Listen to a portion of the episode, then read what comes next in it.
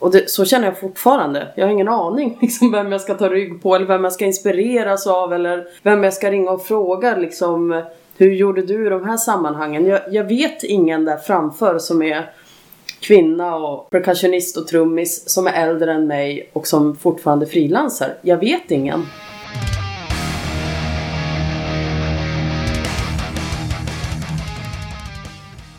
Du lyssnar på avsnitt 66 av Rockpodden. Varmt välkommen!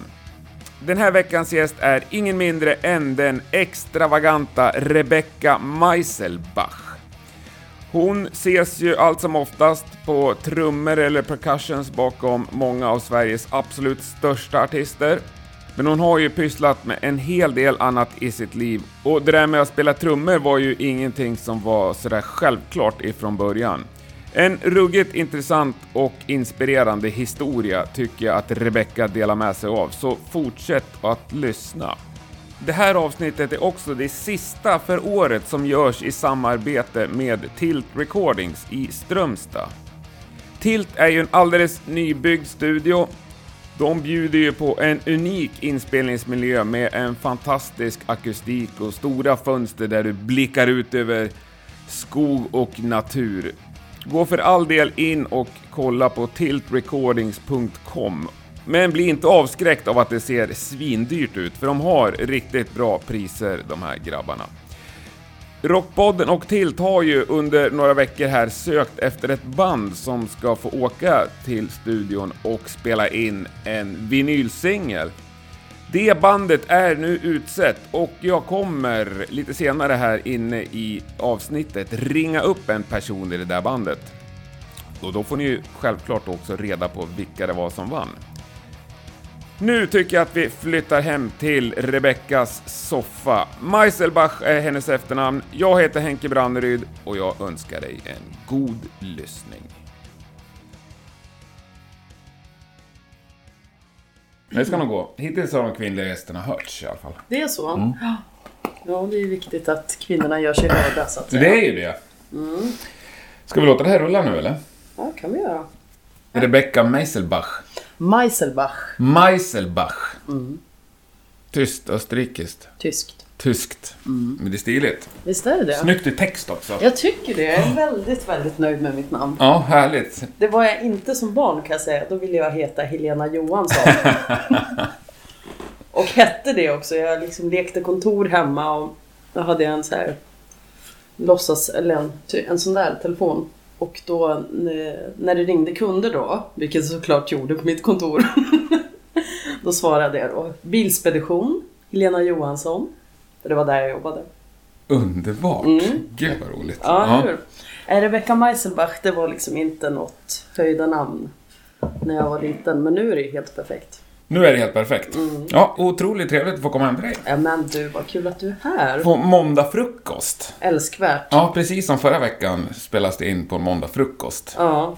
Och en fantastisk frukost hade du Eller hur? dukat upp. Ja. Med hembakat och grejer. Till och med ja. hembakat på måndag morgon. Det är inte klokt. Nej, det är faktiskt Det händer inte varje måndag kan jag säga. Nej. Nej.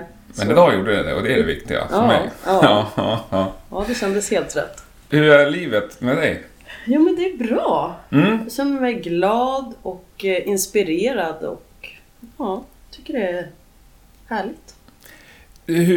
Jag vet inte riktigt. Du är ju lite udda fågel sådär bland mm. Rockpoddens tidigare gäster tror jag. Ja, det borde jag vara. Ja. Mm. Men det ska vi nog kunna sy in i konceptet ändå känner jag. Ja. Men hur ser din kommande vecka ut? Ska, ja. ska vi börja där? Ja. Istället för någon eh, historia. Min kommande vecka ser ut så att i eh, morgon så ska jag spela med Alina Devicherski. Jag ska spela på, ja, jag vet inte exakt vad det är. Det är något kulturpris som ska delas ut. Och då ska hon spela några av sina låtar och då ska jag kompa henne på gitarr. På gitarr? på gitarr blir det då. Så att eh, det ska jag öva lite på ikväll såklart. Sen imorgon är det då. Eh, sen så har jag ett projekt i vår som eh, det börjar i januari. Så det håller jag på liksom långsamt närma med det materialet på mm. olika sätt och lyssnar igenom och försöker hitta så här spännande sätt att förhålla mig till de här låtarna. För det är ganska udda musik får man säga. Vad är det för projekt då? Det är ett, eh, en teaterproduktion på Västmanlandsteatern som heter Taube Today. Och det är Taube-musik som ska tolkas i eh, liksom absurda arrangemang. Jag har bara hört skisser på allt då, men Mhm. det Sen har jag sett i text lite vad han har tänkt sig. Det är så här, om den här ska vara liksom åt Depeche-hållet. Det här ska vara åt rockhållet. Det här ska vara akustisk techno. Det här ska vara, ja men du vet, det drar åt alla håll. Så att det är liksom både trumset och sen är det ju mycket liksom elektroniska ljud, SPDS och pads. Och sen tror jag att det blir mycket handinstrument också, kongas och... Mm. Så jag försöker liksom kreativt lyssna på de här låtarna och se hur jag kan hitta på kreativa vägar för att... Men är du ensam musiker i Nej, allt vi är ett, vi är ett helt, ett helt band, vi är fyra stycken. Okej. Men jag är då trummis och percussionist och använder rytmiska Mm. då. För det är väl det man ser dig, jag ser dig oftast som. Ja, Om, så är det ju på trummor eller percussion. precis. Det är Nästan det. allra mest percussions. Ja, det går i perioder faktiskt. Det är liksom, vissa perioder så känns det som att jag inte spelar något slagverk och då är det bara trumset. Och, Mm. Men nu senaste tiden har det varit ganska mycket percussion. Det stämmer. Men det går i perioder, Mm. men det är de två grejerna som är egentligen det som betalar min hyra. Mm. Men sen spelar jag ju som nu då med Alina, spelar gitarr och jag sjunger ju och jag kan ju spela lite keyboard och så här. Men min inkomstkälla är ju slagverk och trummor Mm. främst. Nej, och jag satt och kollade senast igår på lite klipp när du spelade med just Ja, Alina. just Det var det. så här roligt för att ibland körde ni nästan Jag rockbandsuppsättning. vet! Ja, det Jag såg något på Debaser, då kör du trummor som Ja. bara. Och sen ibland är det ju jättemycket backtracks och Ja. sitter mer och fyller ut liksom. Ja, Och nu kör du gitarr till och med. Ja. Ja, ja, det tillhör ju inte vanligheten att jag spelar gitarr. Det var ju liksom när hon ringde mig och frågade om jag kunde komma på henne på gitarr så skrattade jag ju liksom fast med glädje. Mm. Ja. Jag har ju spelat gitarr sen liksom fick väl min första gitarr när jag var 14 kanske så jag har spelat mycket Mm. gitarr men det är ju så långt emellan. Så när jag ska göra det här nu så måste man öva upp så man inte liksom man måste få lite hud på fingrarna så Ja. att man klarar av det. Eh, Men Alina överlag, det är ju liksom... Den musiken är ju, har ju någon popgrund såklart. Mm. Men den känns ju också delvis väldigt punkig och rockig. Och jag får ju verkligen liksom använda min... Det känns ju som jag förhåller mig till hennes musik ganska rockigt ändå. Det, så känns det ju. Ja. Men är det det ursprunget du har liksom? Kommer det från rocksvängen? Alltså, mitt svar är typ, jag vet inte. Men det är ju Nej. såklart inte riktigt bra svar. Men alltså, jag tror att... Eh, alltså när jag började lyssna på musik så var det såklart att jag lyssnade på Kiss och det var typ så Twisted Sister och Alice Cooper och sådana grejer. Det var ju eh, AC/DC och alla de här. De var ju viktiga ingredienser såklart. Men jag lyssnade också, som Michael Jackson var ju min husgud. Ja. Så att det var ju... Men säg som Ja. Mm. första band du hade. Vad var det för något? Åh, måste jag tänka. Första bandet jag hade. Alltså jag hade liksom inget band när jag var liten. Men vi hängde i replokalen mycket och då var, det är klart, det var ju liksom rock vi spelade då. Jo men det var det. Då Ja. spelade jag, just det, hade jag, köpte jag eh, min första elgitarr. Och då spel, det var mycket blues där uppe i Jämtland, liksom rockblues. Så vi spelade typ eh, Tash och sådana låtar Ja. som... Så att där började det väl på något sätt Ja. ändå.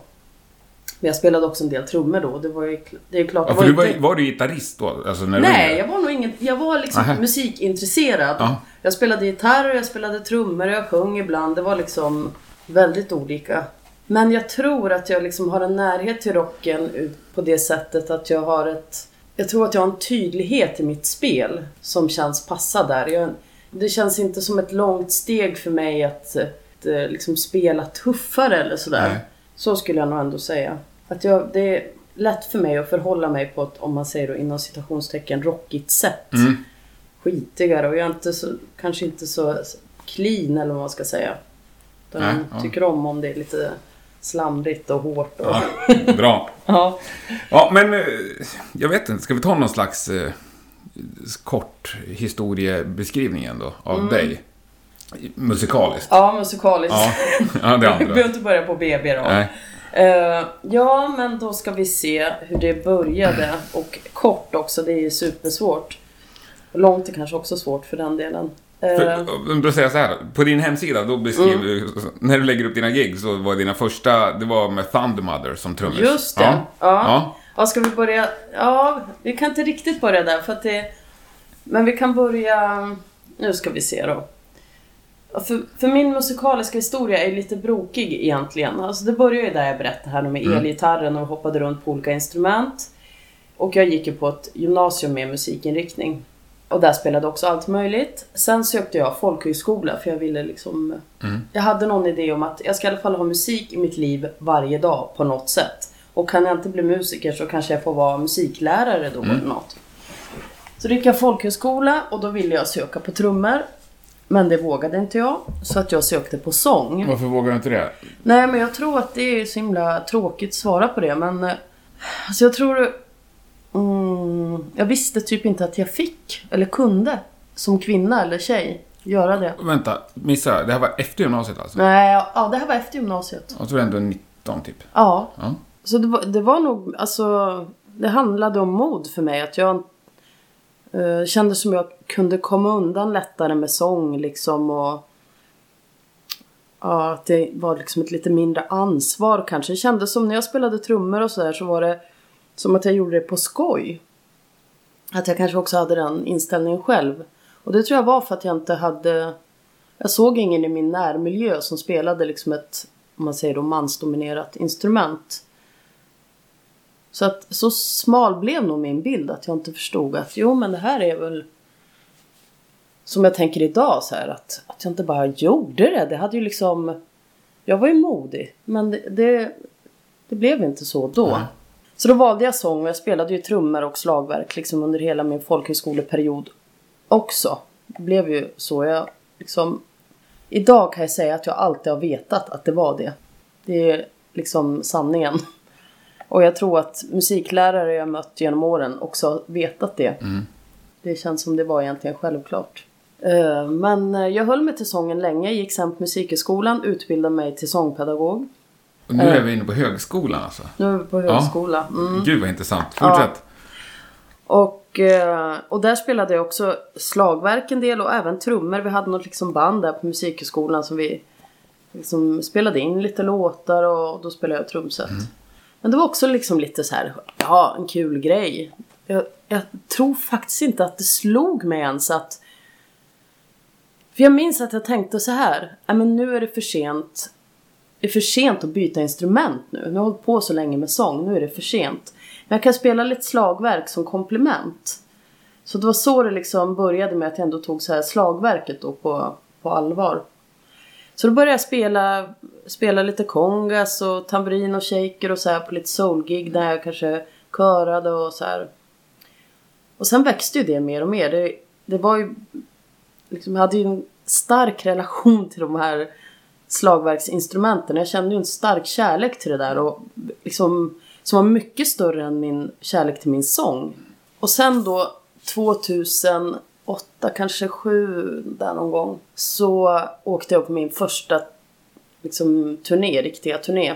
Och då åkte jag med Eva Eastwood som är, ja det är ju rock'n'roll. Och hon sökte då en körsångerska som kunde spela percussion. Och tänkte ja men det måste ju vara jag. Och eh, då gjorde jag, jag tror vi gjorde nog, jag kommer inte ihåg, men det var nog ett par turnéer i alla fall. Och, som gjorde. Och då så körade jag, jag spelade lite percussion och spelade också keyboard med henne lite grann. Så att där började liksom min dröm så här, det här kan funka. Jag kan tydligen åka på turné som musikant och spela slagverk. Förklädd som körsångerska. Precis. Eh, och sen när jag då 2009 beslutade mig för att flytta till Stockholm. Då tog jag också ett beslut att nu ska jag vända på de där två. Istället för att se mig själv som körsångerska och percussionist så ska jag nu se mig som percussionist och körsångerska. Så att det skulle vara det primära. Coolt. Och tack vare den här turnén som jag gjorde med Eva så hade jag också fått eh, en sponsordeal.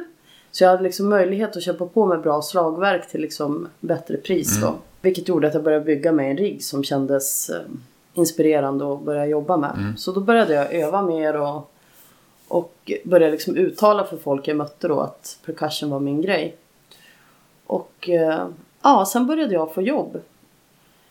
Och hur, hur mer jag jobbade som percussionist, hur mer kände jag att jag ville liksom vara det. Inte körsångerska heller. Nej. Jag ville bara spela slagverk. Jag bara tyckte det var liksom fantastiskt på alla sätt. Eh, och något år senare så fick jag mitt första gig då som bara percussionist utan att det nämndes något med sång. Och det tror jag var liksom jag tror inte jag fattade det då, men nu att det var en milstolpe för mig att Okej, jag pluggade sång i tio år. Jag har alltid drömt om de här trummorna. Jag har bara alltid velat göra det. Och idag så har jag liksom ett gig när jag faktiskt... Min sång var inte intressant ens. Nej. Utan nu får jag bara göra det här. Och därifrån så har jag liksom vågat drömma större och större och liksom... Ja. Övat och vågat eh, liksom marknadsföra mig då som percussionist istället.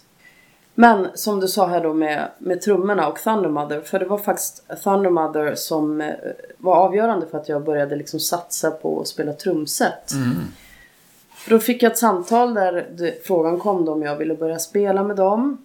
Och eh, jag hade ju inte spelat, alltså som jag har berättat, jag spelade ju trumset lite grann liksom på musikhögskolan här och där. Så jag kände väl att, nej men jag vill satsa på mitt percussionspel nu. Det hade börjat gått bra. Jag hade gjort liksom lite julgalor och spelat med liksom mycket svenska artister. Och jag kände att nej men nu är det lite rull på det här och jag vill, nu vill jag liksom gå all in på mitt percussionspel. Men hon liksom gav sig inte riktigt. Eh, så sa, sa jag till slut, nej men jag kommer att, vi ses och jammar så får vi se liksom vad som... Är det Filippa vi pratar om? Ja. ja. Hon har också varit gäst i den här podden. Ja, just Ja. det. Kul. Eh, och eh, så då gjorde vi det och eh, där började ju då den resan som varade ett par år.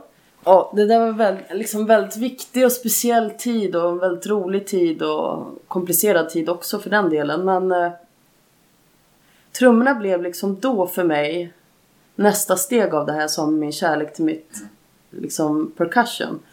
För när jag satt mig bakom trumsetet och bara fick liksom Ja, det var som att nästan en liksom ännu större kärlek blev det till det där. Det känns som att jag flöt ihop med det här trumsetet och att vi... Ja, det, det blev en förälskelse, verkligen. Liksom en Gud vad härligt. Ja, jag blir alldeles inspirerad där. Ja. Och ja, så vi började ju repa då. Eh, jag kommer inte ihåg, men vi repade väl en gång eller flera gånger i veckan. Och det fanns ju liksom låtar som vi bara liksom repade ihop och formade på olika sätt och det var skitkul. Och det gick ju väldigt snabbt det där. Jag hade ju inget eget trumset, jag hade ju ingen replokal, jag hade ju ingen koll på liksom så jag hade ju koll på trumset men jag visste ju inte vad vill jag ha för cymbaler eller vad är det för virvel som jag är intresserad av. Vill jag ha den högt stämd eller lågt stämd eller hur vill jag ha pukorna? Jag hade ingen aning. Utan det var verkligen ett sökande. Ren glädje bara. Ja, Ja, ja, det var Ja. bara nu spelar vi rock'n'roll liksom. Men sen gick det så fort med det där bandet. Det var liksom bara efter typ tre månader så hade vi något gig som genererade det ena och det andra. Och vi vart nominerade till någon så här utmärkelse som årets genombrott typ. Och vi ska åka förband till Danko Jones och vart liksom en... gick väldigt fort med tanke på att jag var liksom precis hade börjat spela trummor. Ja. Så jag var ju tvungen då att såklart köpa trummor. Och då hade, har jag min sponsordeal igen att tacka som bara hjälpte mig. Och eh, även Pontus Snibb då som jag ringde och bara Hej kan du hjälpa mig? Vad ska jag ha liksom för storlekar på trummorna och vad är rimligt liksom? Och, så vi gick på musikaffärer och liksom kollade in grejer och han hjälpte mig mycket. Också en sjukt bra rocktrummis. Ja, skitbra. Ja, Ja. Så att han eh, höll mig i handen genom det här då. Härligt. Så, ja. Så skaffade jag en replokal och eh, sen flyttade jag typ in i den replokalen. Alltså jag vet inte hur många timmar om dagen jag övade men det är väl en av mina superkrafter att jag är bra på att liksom bara gå all in på något. En nörd verkligen. Så att det var ju alltså åtminstone fem timmar om dagen. Men det kunde ju också bli att jag var där fem timmar, gick hem, åt lite mat och sen gick tillbaka och så var det några timmar till. Jag var verkligen helt såld på det där. Så jag spelade ju hela tiden. Och sen spelade jag med dem i två år. Och vi giggade ganska mycket. Uh, spelade in ett album som aldrig släpptes då. Uh, För att vi slutade, i- eller bandet splittrades innan det släpptes. Men det var en superviktig tid och, och, eh, och jag tror att jag hade spelat med, med det där bandet i, ja, det var inte så jättelång tid tills det började liksom, då var det som att folk hade hört talas om att ja men här har vi en tjej som spelar trummor och, och sådär. Så att det började ringa till mig. Jag började liksom få frilansuppdrag på trummor vilket var helt orimligt. För jag kände mig ju supernovis. Jag kunde ju spela de där rocklåtarna. Alltså du förstår hur mycket luckor jag hade. Ja, ja Det jo, var- men det förstår jag. Ja, Ja. så det var... Men, eh, ja, men då blev till exempel Alina då var ju en av dem som, som jag började spela med. Och, och jag fick lite samtal från...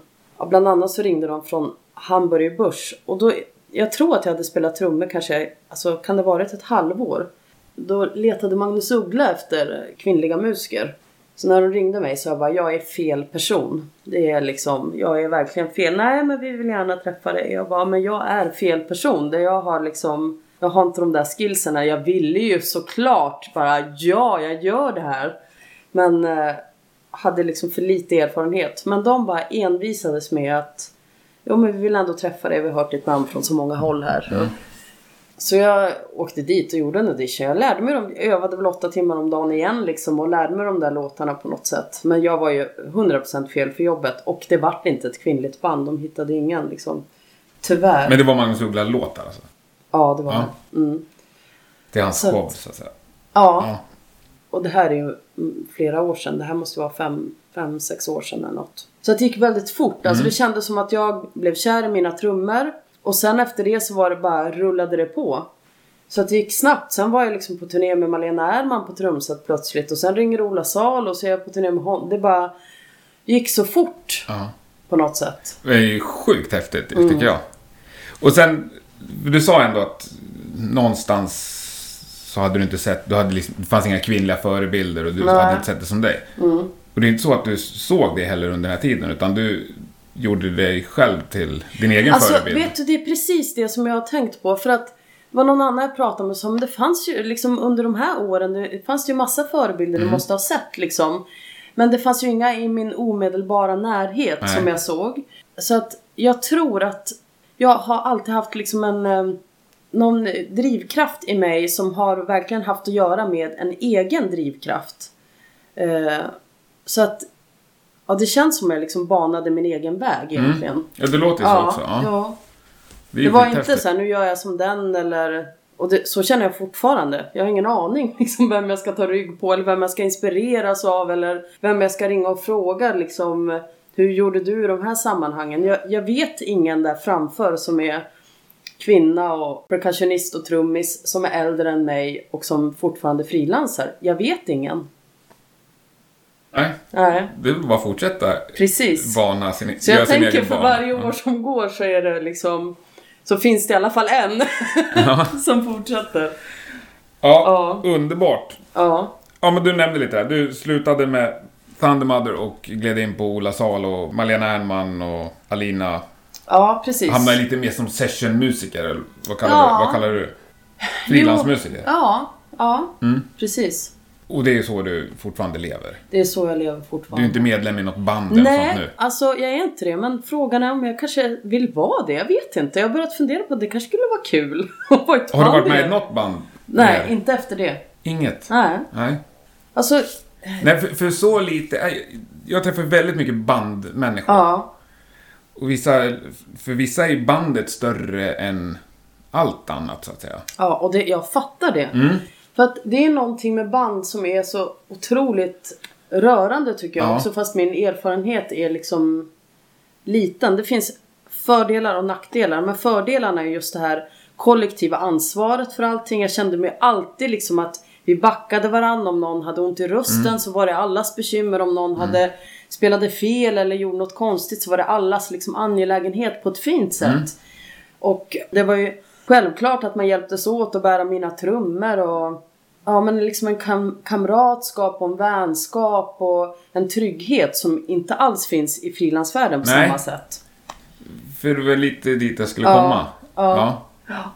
Nej men det kan jag liksom känna att Alltså om jag gör ett frilansuppdrag idag och det är liksom bara folk jag känner så är det ju väldigt skönt. Samtidigt som det är skitkul med nya människor och liksom nya influenser. Men Jo, men det finns ju många i frilansvärlden som dyker upp med Ja. allt och alla. Typ, Ja. sådär. Och Visst. det finns ju många i bandvärlden som är i, i hur många band som helst. ja, Men det är ändå på något sätt ett, i många fall i alla fall, ett, liksom ett vattentätt skott däremellan. Ja men det finns... Upplever jag. Ja. Titta på dig och vill ha medhåll, men Ja. det får jag inte. Eller? Jo, eh, jo, men jag tänker till exempel om vi säger Danny McKenzie. Han är ju Ja. bandkille men han frilansar ju en Ja. del. Det finns ju... Conny Blom vet jag Ja, precis. du gjorde en musikal med va? Ja. I våras. ja, vi spelade i våras också. Den musikalen höll vi på i liksom lite då och då under ett och ett halvt, två år kanske. Jag kommer inte ihåg riktigt. Ja. Ja, nej det är klart att det finns folk som... Ja. Nej, vi ska inte fastna i det. Det är min slags fördom, eller vad ska jag säga, min... Nej men alltså det är ju oli- faktiskt olika sätt att musicera på, olika sätt Mm. att närma sig musik också. För jag menar, i ett band så jobbar man fram ett arrangemang tillsammans. Man kan också kanske säga eller det här skulle jag vilja göra eller kan vi inte liksom ändra så här, det skulle kännas bättre Mm. för mig. Och att man, det kan ju bli lite mer också en känsla av att det, mitt musikaliska uttryck får en tydligare plats. Mm. För när jag liksom frilansar, om vi säger när jag, jag har ju varit med i en del husband på TV till Mm. exempel. Där är det ju, alltså i många fall så är det ju alltså att man får noter, det kanske inte arrat allt jag ska göra. Eh, men jag känner ju kanske inte att jag alltid får uttryck för min musikaliska kreativitet alltid utan Ja, det här Nej. är, här ska jag spela tamburin liksom. Det är Ja. helt uppenbart att det ska göras. Och det har inte jag några som helst problem Nej, med. för det gäller ju att du är ohyggligt bra på det, annars får du inte vara med i Ja, husband på TV. Ja, precis. Plus att man inte repar på samma sätt. Alltså man kanske spelar igenom låten två gånger. Till skillnad från med ett band. Då kanske man repar ett halvår på lite grejer. Man hinner utveckla det, fördjupa det, lära känna låtarna på ett annat sätt. Så det är två olika förhållningssätt också till musik tycker jag. Eh, och jag tycker båda är intressanta. eh, och roliga och utvecklande. Men nu har jag inte gjort bandgrejen på länge. Så att Alltså det närmaste är väl till exempel som med, med Ola då. Vi har ju spelat med honom i några år. Och vi spelade i somras till exempel. Och då återkommer ju samma låtar. Och då är i alla fall känslan av att de här har spelat i några år. Så att det, det är liksom gamla vänner de här låtarna istället för liksom första Att det är gången. noter, ja precis. Ja, Ja. Ja. nej, men det borde ju kunna gå att ändå ha lite av båda. Känner jag. Ja, nej men alltså jag är öppen för att spela i band. Mm. Det som är med band är också den här, det är ju, som kanske skulle kunna vara svårt då för mig som frilansare. Det är ju att ett band vill man ju precis som ett frilansjobb vara 100% lojal mot. Mm.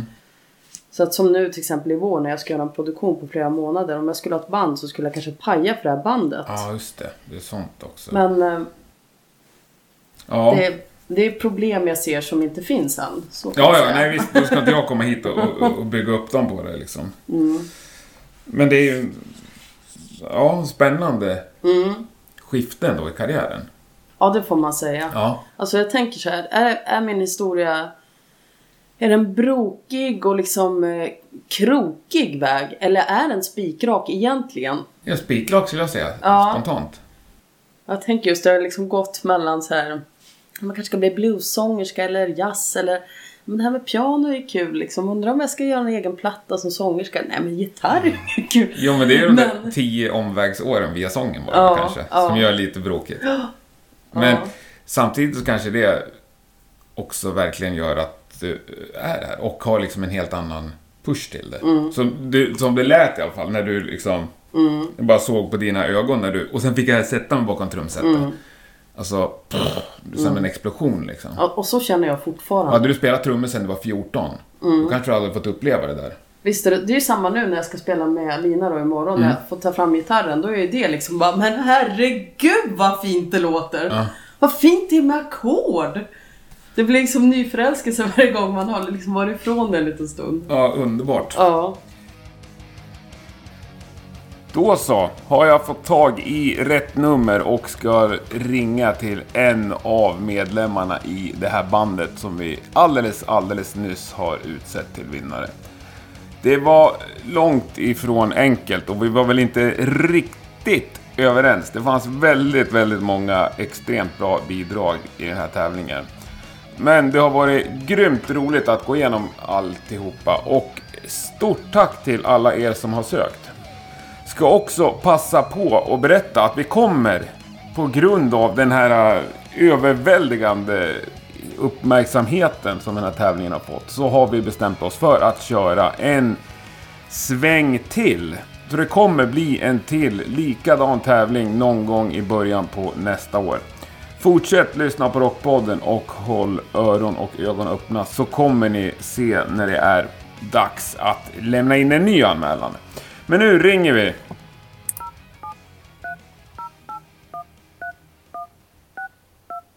Får vi se om vi får något svar. Tjena, är det Jesper? ja då. I Doogie and the Exploders. Ja, precis. Härligt, det här är Henke Branneryd på Rockpodden. Ja, tjena, tjena. Hur är läget? Och det är bra själv. Jo, men det är ruggigt soft. Du, Ja. ni hade anmält er till någon tävling här och till Tilt Recordings och spela in en ja. singel. Ja. Ja, just det. Är ni peppade? Ja, som fan. Ja, men du, då säger jag till dig att ni har vunnit den tävlingen nu. Och jävlar. Ja, Ja, då får man tacka. ja det, det får du göra om du vill. Ja. Ja, kanon. ja, men det tror jag va? Ja, ja, det sitter ju alldeles utmärkt. Ja, underbart. Hur, eh, hur går det till nu då? Vi styr ihop er med Max som har studion och Okej. är husproducent. Så hittar ni en ledig tid. Det, och han, jag snackade nyss med honom, det finns liksom ingenting att vänta på. Han kör gärna så fort som möjligt. Okej. Skitbra!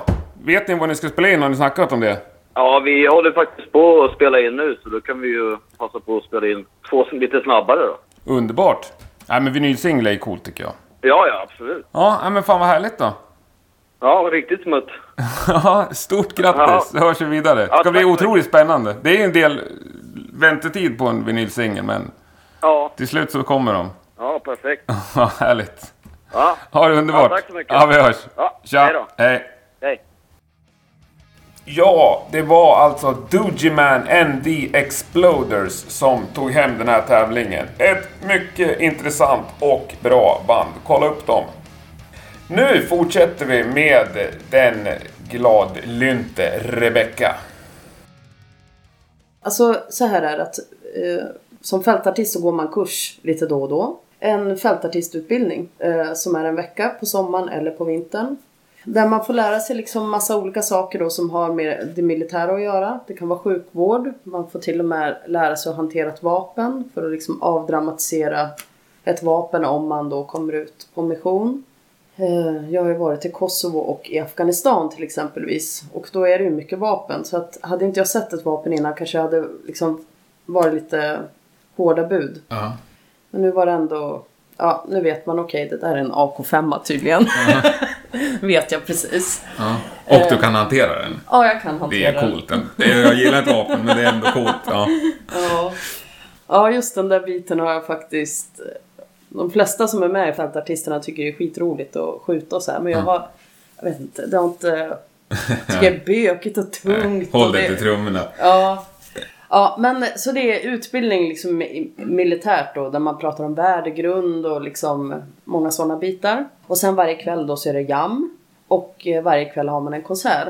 Eh, sen avslutas veckan med en större konsert då som man bjuder in gäster och sådär till. Och nu är det en sån kurs i januari. Och jag har fått frågan om att vara instruktör nu. Så att nu ska jag vara mhm instruktör på fältartistsidan, alltså inte det militära. Nej. Nej där ska Inte AK5-kursen. det är inte jag som kommer lära dem att skjuta. Nej. Utan jag kommer prata om fältartisteri och insatser och sådär. Men du hade varit både i Kosovo och Afghanistan. Mm. Eh, Berätta gärna. Ja. Då ska vi se. Eh, vi börjar med Kosovo då. Det var ju den missionen jag gjorde först. Det var ju ganska lugnt där då. Alltså det var ändå så att vi kunde gå utanför militärområdet och gå på shoppingcenter och sådär. Till skillnad från Afghanistan där man inte kunde det. Ja, och då åkte jag som trummis då. Och eh, Vad vad är det för gäng liksom? Berätta. Ja, jo men då är det så här att det ser ut ungefär som i frilansvärlden på ett sätt. Man tillsätter en, motsvarande kapellmästare fast det heter Mm. fältregissör då inom... Är det armén som styr Ja, det är, det är Försvarsmakten. Ja, Försvarsmakten heter det. Ja, Ja. Det är de som styr upp det och anställer det så att säga, för den här grejen. Ja, alltså det är ju en frivillig organisation men det är ju de som betalar oss. Mm. Så att Sverige är faktiskt de enda som har utbildade fältartister. Så att det är en unikt i Sverige. Men då anlitar man då en fältregissör, motsvarande alltså kapellmästare, som då ringer in de personer som man tycker ska passa på det här Han sätter ihop uppdraget. ett bra band. Ja, precis. Så repar man och det är ju coverbandsrepertoar. Som afterski Ja, precis. Ja. Ja. Det är där alla Nu de här... ler hon en mjugg här. Ja, det är, det är där de Så kommer nästan med. så här som. Ja. ACDC och alla de här. Ja. ja, men det är lugnt. Ja. Och sen spelar man då för de militärerna som är på plats helt enkelt. Och vi åker ju ner som, som personalvård. Det är så det är uttryckt då. Att vi ska ge dem någonting annat att tänka på, ge dem liksom Även liksom snacka med dem, att de får träffa lite annat folk men att de ska få liksom något ljus i en tung vardag sådär då. Så att fältartisterna verkar som personalvård i de här områdena. En Fantastisk personalvård. Ja, så det är otroligt att det faktiskt funkar och att det satsas pengar på det här. Och det är ju skitfint. Ja, men hur går det till när ni kommer till Afghanistan? Ja. ja Är ni på samma ställe? Ja, alltså i Afghanistan så åkte vi mellan två olika kamper. Och eh, ja, där, där var det ju tuffare läge. Där var det ju faktiskt så att jag kände att det var... Jag var inte rädd, men det var lite otäckt ändå. Så. Ja. Till exempel när vi flög från Turkiet in till Afghanistan. Då byttes liksom hela besättningen på flyget. Det bara, alla byttes ut. Och jag bara, okej. är det här liksom de som inte vågar flyga över? Ja. Som byts ut till de som vågar flyga över, eller? Eh, för det visste jag liksom att när, alltså, det är ett riskmoment att och flyga över Afghanistan. Men då landar man på kampen och eh, man bor på den kampen. Och man får inte på något sätt gå utanför. Det fanns lite så här torn man kunde klättra upp i och, och titta ut så här och bara se hur det såg ut i liksom, samhället. Så här. Men det var ju det enda man fick se av det som var utanför kampen. Sen åkte vi till en annan kamp och spelade också. Då åker man ju typ i containrar på hjul. Alltså det är små fönster som är liksom som ett par cigarettpaket bara. Med beväpnade vakter som åker med och man sitter fastspänd med hjälm och skottsäker väst och hela köret. Och trumcasearna liksom. Ja. De kanske åkte i en annan bil, Ja, men, det, kom, det kommer jag faktiskt inte ihåg men... ja, men du hade trummorna med dig så att säga. Ja, det, det, var trummor är med. Trummor är med. det var inte backline på, Nej. eller det var inte, det var inte liksom utrustning på plats. Nej, Nej. nej. utan det, det flygs ner. Eh, och det var typ en tur på 20 minuter och det hade vi också, man går ju en speciell utbildning också på eh, Ja, alltså inom för- försvaret så gör man en speciell utbildning innan man åker ner på en sån här resa. Och då sa de att just det med vägminer och sånt där, det är en, liksom en av de största farorna. Så jag visste att de där 20 minuterna, där, alltså smäller det nu så har vi fått order om, då sitter man bara kvar. Så att om man, det, man kanske får sitta kvar i två veckor, vad vet jag, men det är bara att sitta kvar. Så att, ja, det var 20 minuter som ändå var liksom lite sådär speciella får jag väl ändå säga. Viss stresspåslag. Ja, men jag tycker det. Eh, ja, och där spelar vi också då för eh, soldater och ja, man äter mat och Det snackar. är lite annorlunda upp... eh, värmning och så förberedelse för ett gig. Och ha en sån ja, det, resa. Ja, det är det. Ja. Ja, det får man säga. Nej, men det är såklart väldigt speciellt och det är inte helt självklart att eh, tacka ja. För att också fast våran säkerhet den är ju liksom Alltså som fältartist är man ju i princip 100% liksom tryggad. De tar verkligen hand om oss. Men man vet ju att allt, alltså, allt kan ju hända. Och det måste man ha med i beräkningen när man tackar ja till sånt jobb. ja. Jag fick fråga att åka till Mali för ett tag sedan. Och nu kunde jag tyvärr inte för det krockade med något annat. Men det är ju liksom var ju ännu svårare läge än Afghanistan. Det är inte, det är inte bara oh, wow ett gig, vad gött och pengar, fan jag är Mali, på. där är det varmt. Ja. Ja precis. Utan det är, man får ändå ringa mamma och säga du hur skulle du känna om jag åkte till Mali och så ringer man några vänner och så lyssnar man inåt lite grann och så googlar man lite. Ringer några som man vet har koll. Det är inte bara att ja. Nej, det Nej. förstår jag verkligen. Ja. Men sjukt häftig grej att göra borde det vara. Ja men det är ju Och jag ändå- antar att det är väldigt uppskattat. Alltså otroligt. Alltså det är liksom... tårar och kramar och liksom vänskap, verkligen. Alltså de, de liksom, jag har hört det att de som är på, de är ju kanske borta, vad kan det vara? 8-10 månader. De här militärerna, de pratar ju om före och efter fältartisterna. De delar liksom upp sin mission i före och efter och liksom ser fram emot det och sen när vi har varit där så vet de nu är det bara hälften kvar. Men kör ni ett gig per kamp? Nej, nej utan eh, när vi var i Afghanistan, vi kanske var borta 10 dagar då. Och då spelade vi kanske, om vi säger fyra dagar på ett ställe och sen jag kommer inte ihåg riktigt men vi spelade flera gig på varje kamp. Men då kanske vi gjorde en kväll ett musikquiz på en liten pub någonstans. Och så nästa gång eh, kanske ett akustiskt gig någonstans. Och sen ett större, större liksom partygig. Sen kan det också vara korum man gör, alltså som är liksom en liten kyrkligare tillställning ifall någon har gått bort som en minnesstund. Jaha, okej. Så sådana eh, spelningar kan det vara också. Eller var någon gång så bara, ja på tisdagar brukar vi äta våfflor. Så här, ja men då kan vi spela lite musik till det och så drar man ihop någonting till det. Så att det kan vara många olika typer av spelningar man gör. Shit vad kul alltså. Ja, ja absolut. Det är, det är ett fint sammanhang det där, tycker Ja. jag. Det är många som är engagerade och, och eh, involverade och jättemycket bra musiker. Och eh, ja, det är, ja, fint. Ja, häftigt. Mm. Jag har fått tusen frågor om det, men det, jag tror att vi fick en liten bild i alla fall. Ja. Ja. Du är ute och föreläser lite också. Ja. Ja. Berätta, och jag förstår ju så här efter att ha träffat dig en timme att du, du är bra på det. Det var gulligt sagt Ja. av dig. Ja, det vet jag inte, men... Men vi eh, pratar lite om inspiration och... Ja, precis. Alltså det finns ju någonting i mig som... Eh, så jag har ju en, en stark idé om att allt är möjligt. Och att man väljer själv. Och att man ska drömma stort. Att drömmar slår in. Och eh, ja, att man ska våga liksom titta på sina mål och, och våga rikta sig dit. Och det kan man ju verkligen också... Jag känner att min historia har också bevisat det. Att det är så här... Ja fan det gick fast jag började ganska sent så har jag fan fått spela med skitbra folk och stora artister och så här. Så det och finns... kan liksom leva ett drägligt liv Eller hur? det. Ja. Så att det finns någonting i mig som, eh, som liksom en passion av att inspirera andra till att våga leva sina drömmar. Och jag har jobbat som pedagog också i många år och det är liksom jag märkte där också att jag liksom brann så mycket för deras utveckling och deras möjligheter. Alltså brann mer än de själva för det ibland. Liksom bara såg deras potential och bara gud om du bara övar. Alltså om du bara kan lägga fem minuter om dagen kan du inte bara göra det och lägger du tre timmar så är det fantastiskt. Eh, jag bara såg vad de kunde om de skrev fina låtar eller sjöng bra eller spela fin gitarr eller var, hade någon drivkraft i något instrument sådär.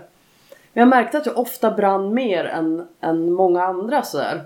Och där någonstans så hade jag någon idé om att ja, men jag ska ut och föreläsa om det. Jag ska inspirera andra att våga, ja men som du berättade innan här liksom, att man vågar kanske säga upp sig från sitt jobb eller att man vågar gå en kurs i något nytt instrument eller att för jag tror vi har så mycket inre bilder om hur det bör vara.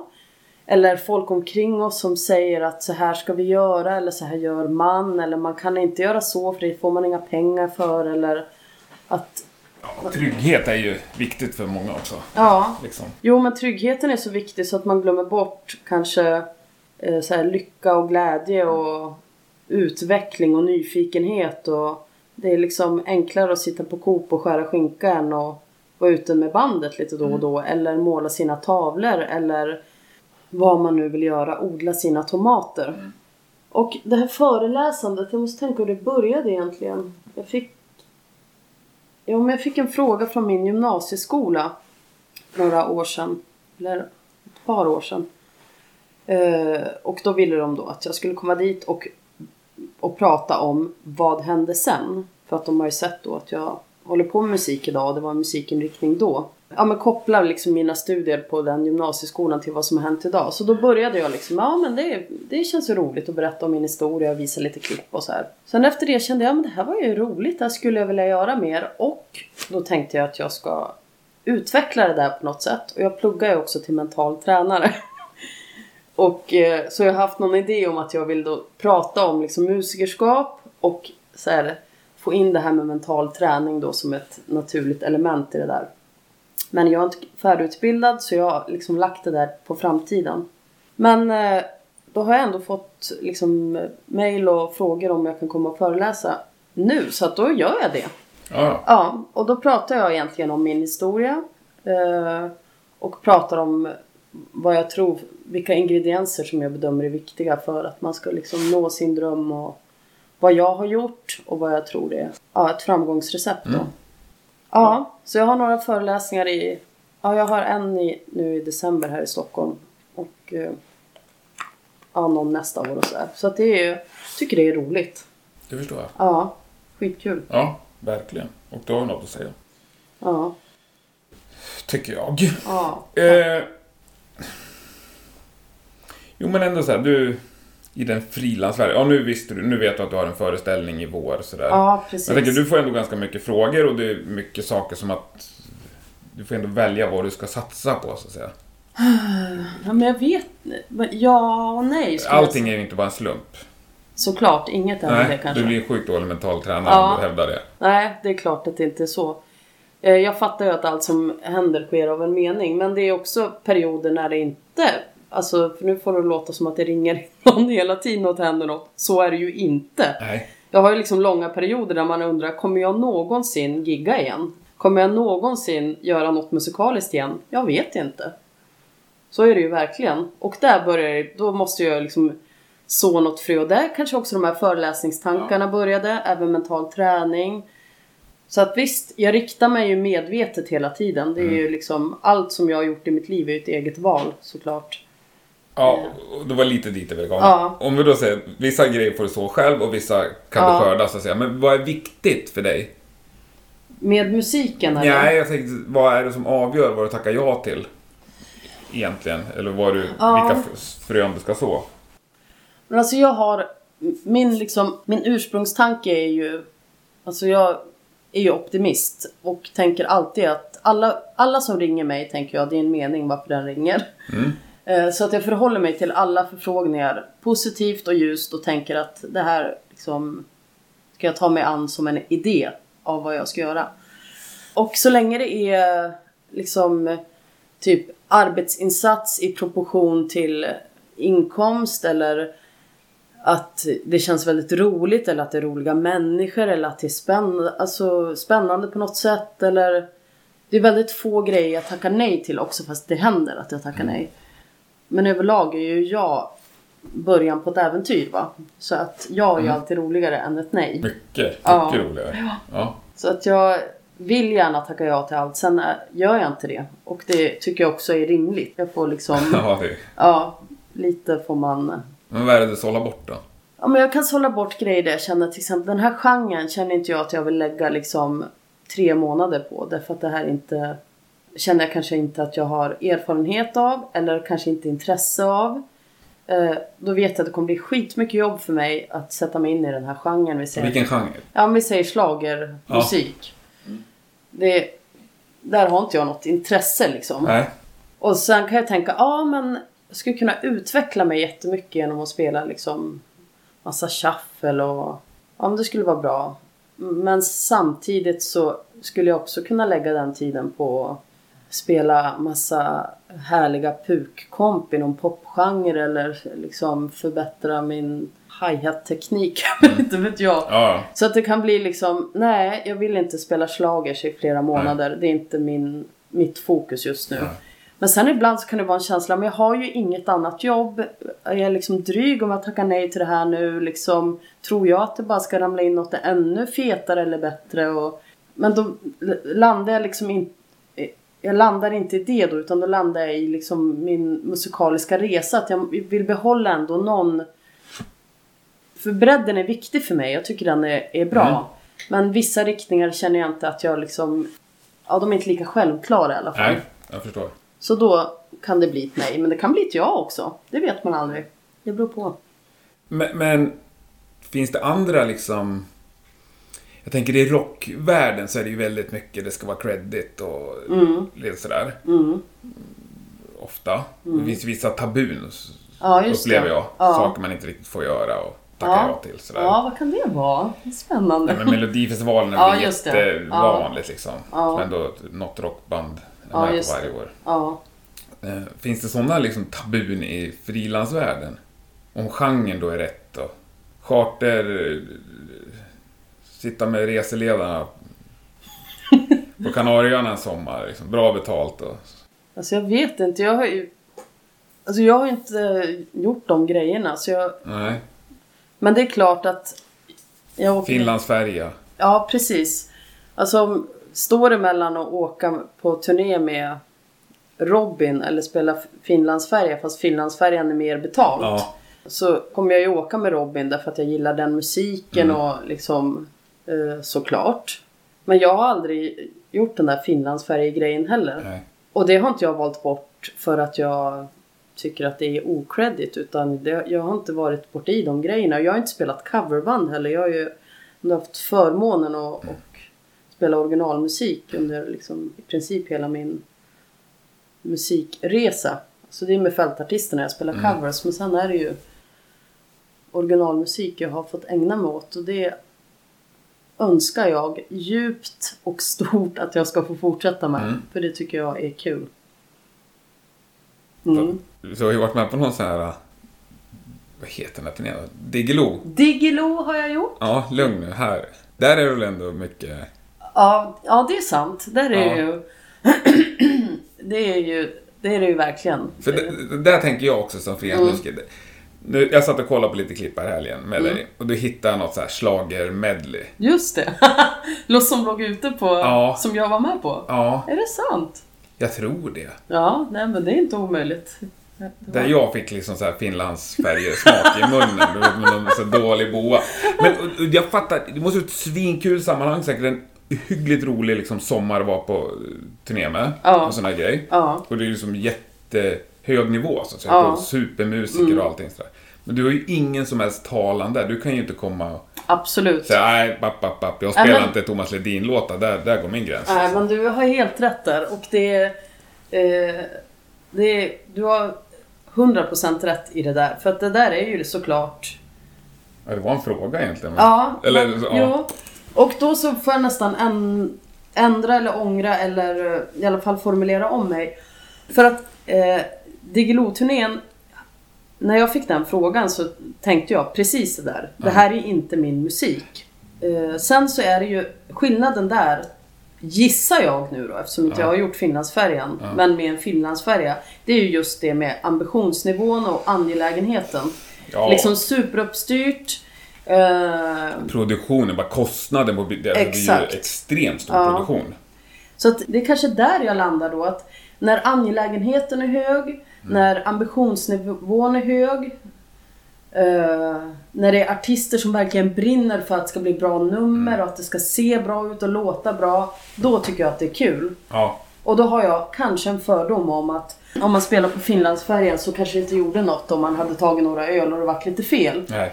Och det känner jag inte det känner inte jag mig lockad av längre. Att riva av några låtar på skoj bara. Utan jag tycker om när det ska vara liksom angeläget och ja, att man verkligen engagerar sig i det man gör. Att det är på allvar. så. Ja, jag tycker det. Det är roligt. Sen är det andra såklart roligt ibland också. Att man liksom lajar och leker med musik. Det är en superviktig aspekt. Men som eh, liksom...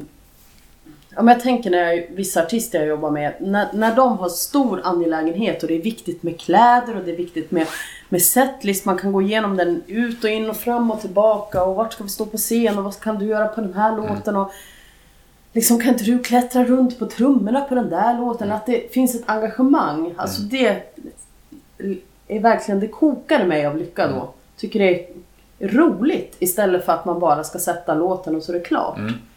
Utan att det bygger på mer än bara en låt. Det bygger på ett engagemang, en lust och en vilja att utvecklas tillsammans och ja, det tycker jag är mäktigt. Ja, det låter underbart. Ja. Ja, verkligen. Men vad, vad, vad blir liksom, om du kokar ner, vad blir det allra roligaste då? Om du ska vara lite mer specifik. Liksom. Ja, vad är det allra roligaste? Det, det kanske inte blir svar på din fråga, men jag provar lite då. Det är ju, tycker jag, när man hamnar i ett sammanhang där jag känner mig socialt trygg. Eh, och musikaliskt trygg. De två sitter ihop ganska Mm. mycket tycker jag. Eh, och man har... Eh, när man liksom spelar, att man lyckas hamna i flöde när man spelar. Att man inte tänker på vad ska hända sen, vad var det som hände nu eller eh, hur skulle kicken vara här nu då? Var det si eller så? Utan när det bara flödar ur mig. När man liksom verkligen kan vara närvarande. Eh, och det kan ju vara på Finlandsbåt eller på Globen eller på TV såklart. Mm. Det kan vara på olika ställen. Men de tillfällena, de är ju... Ja men då är det ju njutbarast. Och de, det är också via min utbildning här som mental tränare att försöka hitta ett sätt att komma till de tillfällena så ofta som möjligt. Att man lyckas vara i flöde när man musicerar. Så att det inte blir bara ett kneg och göra rätt och fel. Vilket är lätt att hamna i. Mm.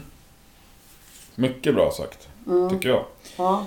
Eh, men men om, om en superartist ringer, Ja. du, du förstår att du inte vill säga vem så här. Men om du har någon liten dröm sådär att den skulle ringa nu så jag ska ut på turné i sommar, jag vill ha med dig i mitt band. Mm. Svensk eller utländsk eller vad som Nej, helst. svensk kör vi. Svensk. Ja men eh, Robin som jag nämnde Ja. innan. Det skulle jag ju tycka var roligt. Mm. Nu är inte jag helt på det klara med vad hon gör för musik idag. Men hon har ju genom åren varit en... Alltså vi pratar om det, så här, inspiration för mig Mm. som, som trummis. Eftersom inte jag hade några tydliga kvinnliga förebilder som var trummisar så har jag hittat andra kvinnor Mm. som har varit förebilder som också blivit förebilder för mig som trummis. Mm. För att de har haft en drivkraft eller gått sina egna Ja, som vägar. människa liksom. Ja. Precis. Och hon är en sån person tycker jag som... Hon startade väl eget skivbolag Ja. och hon har verkligen gått sin egen väg och inspirerat mig mycket att våga det. Eh, sen tycker jag att hon är en cool liksom, person. Hon eh, har skrivit jävligt mycket bra musik, gjort bra musik. Och beat-intresserad liksom. Det är coola beats och så här. Så att, eh, Men då leker vi med tanken att hon ringer. Så Ja. så, jag vill ha med dig i mitt band. mm. Vad vill du spela för något Rebecka? Vilket instrument Ja. eller? Ja men då vill jag ju... Ja, du får spela dum om du vill hela sommaren. men- Jag bara, nej men det vill jag inte. Ja, eh, då får jag välja. Men då kommer jag ju vilja spela trumset såklart. Trumset. Ja, Ja. helt klart. Underbart sätt att uttrycka sig. Jag vill spela trumset. Mm. Jag förstår, om du säger att du spelar trummor så kan det vara lite... Ja, då kan det vara andra trummor också. Ja, men vad bra. Ja. Det var bra, rakt, Mm. rakt svar. Men om hon vill att jag spelar gitarr så kan jag åka med också. Ja, ja, ja det stänger inga Nej, jag dörrar. stänger Nej, inga men det, dörrar. det är bra. Det är, Ja. vi tydliga med det. Eh, Skitbra. Eh, jo, men jag har en fråga som jag tycker är kul att ställa. Den är ju jätterolig till dig. Vem är den mest musikaliska personen du spelar med? Oj, oj, oj. Nu räknar vi in på en tusen pers du har lirat med, minst. Ja, gud. Det finns alltså... om bara ska säga en här. Mm. Det är jättesvårt. Säg ett par då. Mm. Ja, man kan ju säga sådana som alla säger liksom. Det är ju tråkigt men... Men jag tänker som i, i Erik Gadd-bandet då. Ja. Där känns det som alla i det bandet är ju genier.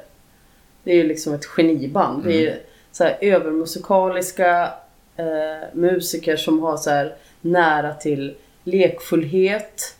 Eh, och angelägna och liksom de har ju allt tycker jag och är, bara spelar så bra så att man orkar ju nästan inte. Det är, så hela det gänget det är ju liksom Sven Lindvall, Mattias Torell och Erik för den delen. Mm. Ja. Eh, ja, nej men det räcker väl. Det var väl ett bra svar, ja, tycker jag.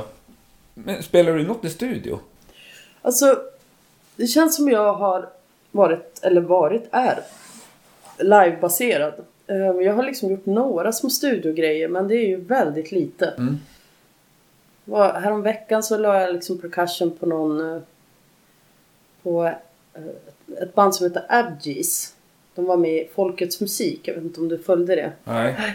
Nej, Det gick på SVT för ett tag sedan och då så då är, är det liksom världsmusikband som tolkar svenska stora band. Okej. Och då Adgis då, de tolkade Bo Kaspers. Och då så var jag med på, bara på den dagen Mm. och bandade det där då. Så det, då har jag lagt percussion på den Mm. låten i någon studioversion då så här. Ehm, eh, ja men lite grann som Eva Eastwood var med på en platta och jag liksom, lite små grejer men det är knappt Mm. som, ja, väldigt lite. Mm. Det är inte så att du har hundratals plattor du har varit med på? Nej. Nej. Jag har mycket inspelningar så här som, som har gjorts genom åren men inga... Jag, jag tror inte man ringer in mig som... Inte vet jag, det har inte blivit så. Jag Nej. tror att så här, man tänker, ja vi behöver eh, till exempel percussion, lite shaker och tamburin. Då Mm. Klickar man två klick så vart det gratis. Så har man Mm. shaker och tamburin. Ja, det är det också. Det är himla Ja. otacksamt. Ja. Ja, så jag, det är lite så. Jag vet att jag skulle lägga shaker på en låt för ett tag sedan. Och då så, när jag hade spelat två takter så säger studio, alltså teknikern, han bara tack så mycket. Och jag bara, jag är inte klar! Jag, liksom, Ah. jag ville spela hela Nu loopar vi, det låten. där, loopar vi det där bara. Ja, jag ville liksom spela lite, du vet, man vill, Ja, ja. vill spela lite dynamiskt, kanske göra lite grej. Nej. Så jag bara, men jag vill spela hela låten. Han bara, nej jag är klar där, två takter. Så loopar de det. Risigt liksom. Ja. Skum känsla. Ja, nej men det, man vill ju som sagt Ja. musikaliska uttrycket liksom. Ja, då förstår jag. Det är Ja. betydligt roligare på scen då. Ja men jag tycker det. Sen tycker jag om också det här liksom scenuttrycket och att gemensamt med musiker, Mm. liksom energin emellan. Och det, det är något med live-situationen som jag tycker är, skapar en till dim- dimension. Mm. Så att jag har inte liksom varit studio så mycket och har ingen Nej, liksom... håll det på scen. Ja. Men, men vad, är, vad gör du innan du går upp på scen? Det är lite beroende på vilka jag spelar med. Det, man märker liksom olika kulturer i olika band. Men jag tycker om att samla mig lite grann. Så här, bara gå inåt eh, och, och ge mig själv liksom lite självförtroende. Säga några snälla saker till mig själv. Högt eller? Nej, det blir nog inte högt. Och det kanske är för omgivningens skull. Det skulle jag kanske kunna göra. Men Psykovarning. Ja, bara, jag är så himla härlig. Nej, men jag försöker boosta mig själv och sådär och bara påminna mig om att njuta, påminna mig om att slappna av och bara ha kul. Så är det ibland. Sen på vissa, i vissa tillfällen så kan det vara tvärtom, att jag kanske vill så här, få mer energi. Eh, så då kanske jag bara vallar runt och går runt och lyssnar på musik kanske. Och, det beror lite på vad det är för typ av jobb. Men sen när man gör tv-jobb och det är långa, långa dagar. Man repar från tidigt på morgon. Och det är kamerarep och det är tjohejrep och det är tjofaderittan-rep och sen så är det liksom bandning sju på kvällen. Då är det inte så att jag behöver liksom lugna ner mig utan då måste jag kicka igång mig Ja. själv så att det blir energi på den bandningen. För då är man trött. Så det är lite beroende på vad man gör för jobb. Ja, ja det förstår jag. Mm. Spännande ändå. Den blandningen. Ja, eller Men hur? vilka dagar är bäst liksom? Vi- När mår du som bäst? Musikaliskt eller? Ja, nej, där kan vi ta Nej. i livet. Ja, måndag, måndagar är min favoritdag. Det är Gud så. vad härligt. Och jag gillar ju morgnar också. Ja. Så eh, måndag morgon det är som... eh, Jag tycker att måndagar är som nyårsafton. Det är liksom ett nytt år, en ny vecka, fast hela tiden. Nej, jag gillar. Det där ska jag sno. Ja. Jag kommer sno det. Ja, varsågod. Jag sa det senast bara för någon vecka sedan. att Jag gillar måndag morgon liksom. Ja, nej, jag Men just att det är som nyårsafton. Ja, men eller hur? Mycket roligare att tänka på livet så. Ja, för nyårsafton då är det så här. Nytt år, vad ska jag göra nu? Ja. Mm. Vad ska hända nu? Och vad ska jag fylla det här året med? Men det är ju bara en gång om år. Men om man får tänka så varje måndag. Mm. Då blir söndagskvällen liksom en ceremoni av nyfikenhet. Vad ska hända den här veckan? Gud vilken Ja. underbar tanke. Eller ja. hur? Ja, verkligen. Ja, nej, måndag... Istället för att gå och vänta på att, det, liksom, gå och vänta på fredagen. Gå och vänta på att ens liv ska Nej men fredag där... Det... gå och längta bort massa dagar i sitt liv. Nej, jag tycker fredag då... Det är, det är liksom en av de sämre dagarna på veckan. Ja. Det måste jag ändå säga. Nej, måndag är ändå... Det vaknar någonting då. Ja, Hög energi. Ja det Mm. där kör vi på. Det tycker jag är svinbra. Gud, det rullar på asbra här ju. Oj, oj, oj vad vi pratar. Eh, Ja, men har du någonting du aktivt ändå har valt bort? Du var inne lite på det här med att tacka nej så här, men... Ja men det skulle kunna vara då Alltså de här coverbands Typ spela cajon på Big Ben. Mm.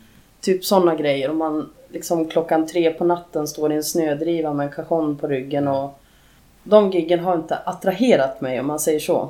Sen har jag gjort några sådana ändå men jag har inte när jag har målformulerat och drömt vad jag liksom hur det ska se ut framöver så har de giggen inte varit med i mina målbilder om jag säger så. Så att sådana gig kan jag tacka nej till av liksom bekvämlighet också. Jag pallar liksom inte sitta och spela Highway to Hell på Cajon klockan tre på natten för massa fulla människor. Också fast jag kan uppskatta det ibland men det är ingenting som jag säger åh det här är någonting som jag vill göra mer av. Nej. Naturlig följdfråga där. Vad, vad, vad finns i din målbild? Ja. Vad ser du? Ja men alltså Jag drömmer ju så stort som jag bara orkar och eh, skulle jag sitta och berätta allt jag drömmer om här så skulle folk tro att jag är galen. Och det är jag kanske också. Ja. Men berätta så mycket du törs. Ja, jo, nej, men jag törs berätta ganska Högt i mycket. tak här, ja. Nej, men alltså jag drömmer ju i första hand om att få, få hålla på med det här nu. Mm. Det är ju liksom, som jag sa innan, att jag vet ingen kvinna som är äldre än mig som spelar trummor eller slagverk som frilansar idag. Jag vet inte ens om det går. Alltså, kan, vad händer om fem år liksom, eller om tio år? Jag vet inte, har det hänt någon gång? Kan det hända? Och Liksom, så att det är ju liksom en dröm jag har att ja, men det ska bara gå. Mm. Och då behöver jag ju dels liksom behålla min passion och min drivkraft. Att den får inte svalna på vägen. Det finns inget som tyder på det än. men Nej, du man vill vet- ändå... ja. Ja. Så att det är liksom en, en sak jag tänker på. Sen tänker jag också på bokningsbolag och artister också. Att jag hoppas att de som fortsätter anlita på bred front liksom. Eh, och då menar jag inte bara mig utan överlag liksom. Att det inte blir unga män eller unga kvinnor utan att det kan bli liksom Ja men ett brett, brett Mm. spektra. För jag menar män i min ålder de spelar ju mer än någonsin liksom. Det är Mm. inte... Eh, så att det är ju en av mina drömmar såklart. Som egentligen är den största drömmen såklart. För, Mm. att, för att det är så oklart. Eh, men sen drömmer jag ju om... eh, jag gillar ju idén på stora scener, stora produktioner. Tycker om det. Eh, Jag har inte gjort någon liksom världsturné eller Europaturné. Skulle också vara maxat att få göra. Det skulle vara kul såklart att spela med någon så här. Men Michael Jackson, varför dog han? Han skulle ju Ja. ringa mig. Han var ju på väg, jag vet ju det. Ja, jag var på väg. Eller Prince eller Mm. ja, alla de här. Men det är fegt att drömma om folk som har dött. Ja, Det det är är det. fegis-svar. Ja, det är det. Ja. Ja, men om vi säger liksom en stor, en riktigt stor artist, det skulle vara kul. Madonna, hon kan väl ringa. Ja. Lady Gaga. Ja. Ja, men det.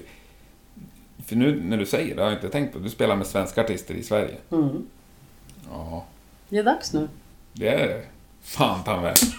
Vecka? Det är nu det händer va? Ja, men vadå? Du har ju kommit sjukt långt på... Alltså, när gjorde du ditt första liksom betalda trumjobb, om man säger så? Eller percussionjobb då? Ja, eh, ja, det beror på hur man ser det. För att man gjorde väl något så här bröllopsgig någon gång sådär. Men, Men när du lite mer blev frilansare och nu ska köra ja, på det här? ja, men det var ganska sent ändå. Det kanske var, det kanske är 11 år sedan. Ja. Och nu är du extremt etablerad. Ja. Så jag menar, 11 år framåt, då tänker jag att Ja, man hoppas ju att det är pre- precis. backen går väl uppåt, så att säga. Ja, Kurvan går uppåt. Ja. ja. Jo, men alltså jag är eh, fortfarande jag är liksom lika nyfiken, Ja. lika liksom förälskad i musik, lika peppad.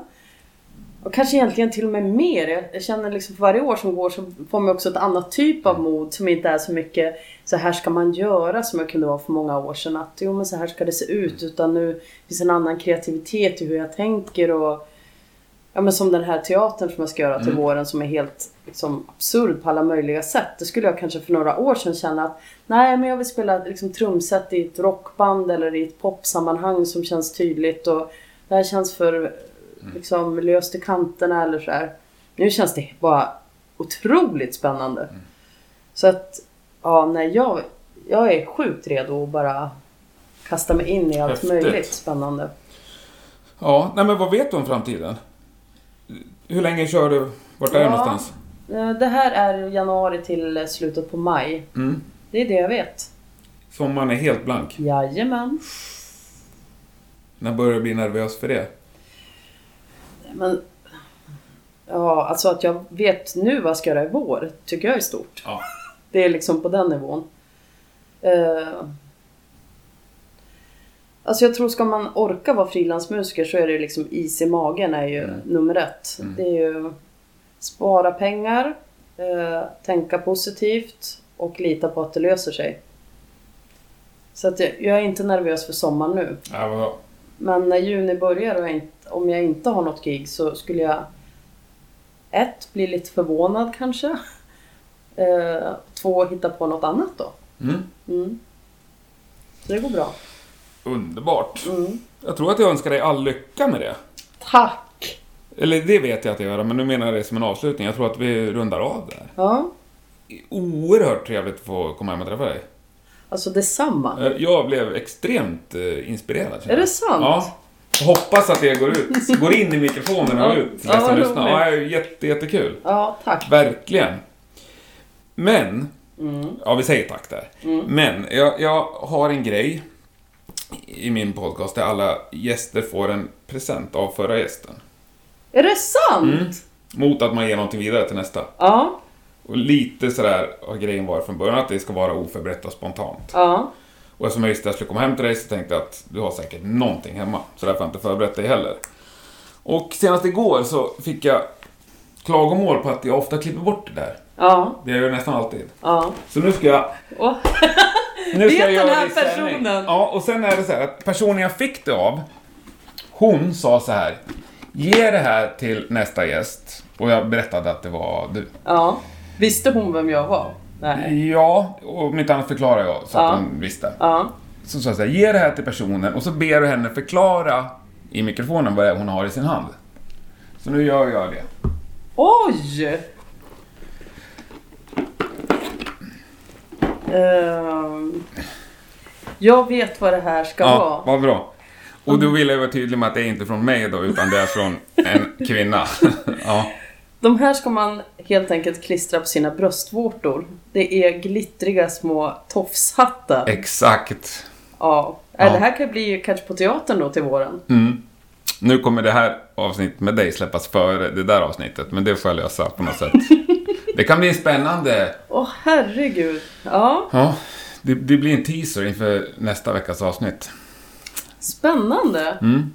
Alltså såna här visste man ju inte att man skulle äga. Nej, hon förberedde till och med med sån här tutt-tejp som hon kallar det, Ja. på insidan där. Så att Vem det bara är den här bort. människan? Nej, men det vill jag inte säga där i. Jag Jag kan säga till dig förstår. sen. Ja, Ja, jag förstår. Eh, Jag tänker jag måste tacka henne. ja ja, det ska du kunna få göra. Okej, Det ska du kunna lösa. och det här innebär att jag också ska leta på en, Ja, en grej. men det kan vi ta utanför sändning. Ja. Nu säger vi tack och stänger vi av det tycker jag. Tack så mycket. Ja, jättekul. Jättekul. Verkligen.